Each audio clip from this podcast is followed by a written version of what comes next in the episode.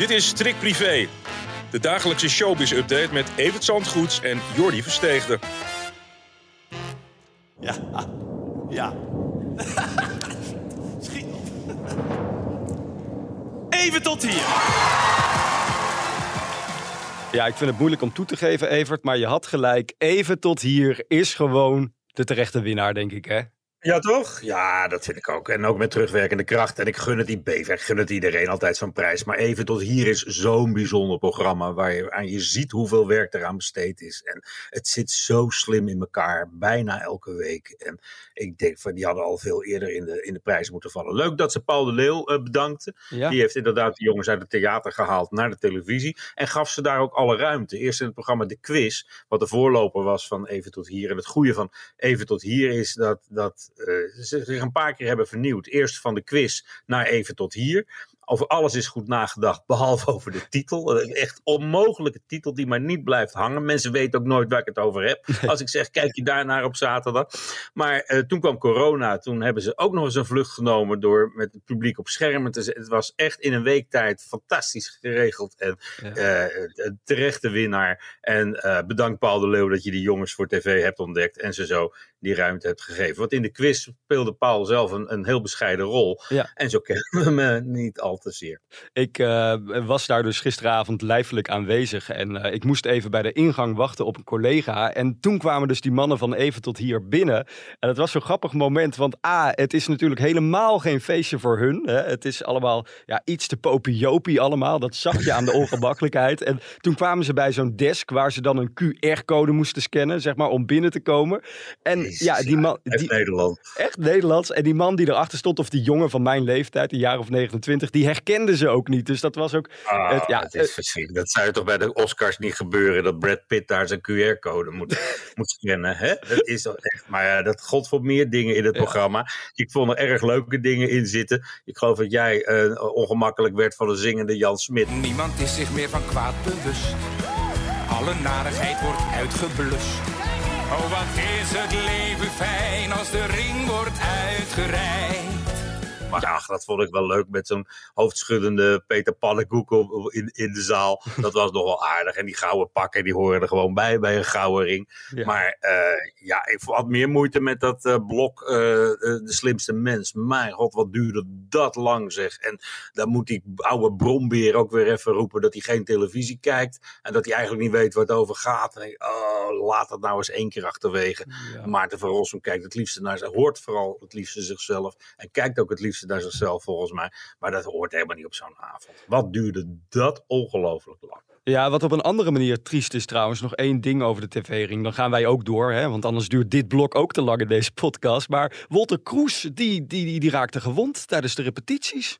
Ja, dat werd me net voor de uitzending duidelijk. Dus dat konden we nog net melden op de, op de site. Hij doet zijn hele verhaal dit weekend. Maar hij heeft een gebroken pols. En Ja. ja, ja dat is eh, spijtig voor Wolter. Die, we weten het allemaal, wel van een feestje houdt. Ja. Nou ja, de Bevers hebben ook nog feest gevierd. Ik ben er toch maar niet naartoe gegaan. Want ja, als je wint heb je vrienden. Ja. En eh, ja, nee, dan is de, dan, dan is de stemming in zo'n kroeg toch anders als je gewonnen hebt dan als Ja. je dat net niet gedaan hebt. Hoewel je inderdaad nu ook gewonnen hebt. Niet voor niks wordt bij de Oscars niet meer gezegd de winner is. Dat zijn allemaal winnaars. En dat geldt ook voor de Bevers. Ja, en sportieve winnaars. Ik heb ze na afloop, eh, na afloop nog gesproken en ze hadden er gewoon vrede mee. Wie er niet was trouwens, eh, een van de weinige BN'ers, want er waren, ja, het toetbekend Nederland liep uit, maar Johnny de Mol was er niet, terwijl hij wel wat te vieren heeft. Ja, maar dat doet hij niet in het, in het openbaar op de eerste avond dat hij duidelijk is dat hij niet vervolgd gaat worden. Een flinke overwinning voor hem en zijn advocaat Peter Plasman. Grote opluchting alom natuurlijk. Want ja, gelijk hebben en gelijk krijgen, dat zijn ook in een rechtszaal nog twee verschillende dingen. Eh, hij moet nu gaan denken hoe hij terug gaat komen op tv. En dat moet hij dan eh, vol verven gaan doen, denk ik. Ik zou, als ik hem was, eh, mijn eigen programma weer terug gaan pakken om half acht. Ergens mijn verhaal doen, uitgebreid. En eh, gewoon zeggen dat je met opgeheven hoofd weer aan de slag gaat. Nu deze verschrikkelijke affaire voor hem en zijn familie eh, achter de rug lijkt. Ja, mooi nieuws voor hem eh, om het weekend mee in te gaan. Wij gaan zometeen het weekend in natuurlijk met eh, eventjes aan Evert vragen. Met eh, de vragen die voor jou zijn binnengekomen. Maar eerst, ik ga jou feliciteren. Ik ga het hele land Nee. feliciteren, de hele wereld feliciteren met Vladimir Poetin. Nou zeg, die zal echt eh, dezelfde kaarsjes moeten regelen voor zijn taart, denk ik. Want eh, er is geen, eh, niemand die hem feliciteert. 70 wordt hij vandaag. En dat is normaal gesproken toch een dag waarop andere staatshoofden je beleefd feliciteren. Nou, dat blijft wel achterwege. De man is een gevaar voor, voor de hele wereld geworden. Hij bepaalt het lot van de wereld al sinds hij Oekraïne binnenviel. En daarna is het alleen maar erger geworden. Nee, die man gaan we geen lang, eh, lang zal zijn leven voor zingen. Integendeel. Zullen we dan maar iets anders gaan zingen? Want we gaan het weekend in met... Eventjes aan Evert vragen. Dat lijkt me echt een goed plan. Een vraag aan de privéman. Ja, want eh, de tombola openen wij weer. We, we- ja, we hebben zoveel vragen. Even voor alle mensen die denken, waar blijft mijn vraag? Die komt vanzelf een keer voorbij, want we gaan natuurlijk nog jaren door met deze podcast. Eerste dringende vragen, hè? Nou, Nou. de eerste vraag die heeft te maken met gisteravond. Toch nog even terug naar die tv-ring. Want wie verdient er volgens jou nou eigenlijk een oeuvre award? Vraagt Sonja zich af. Een, ja, dat zijn altijd de mensen die eh, ongemerkt hun, eh, hun, hun werk doen, hè?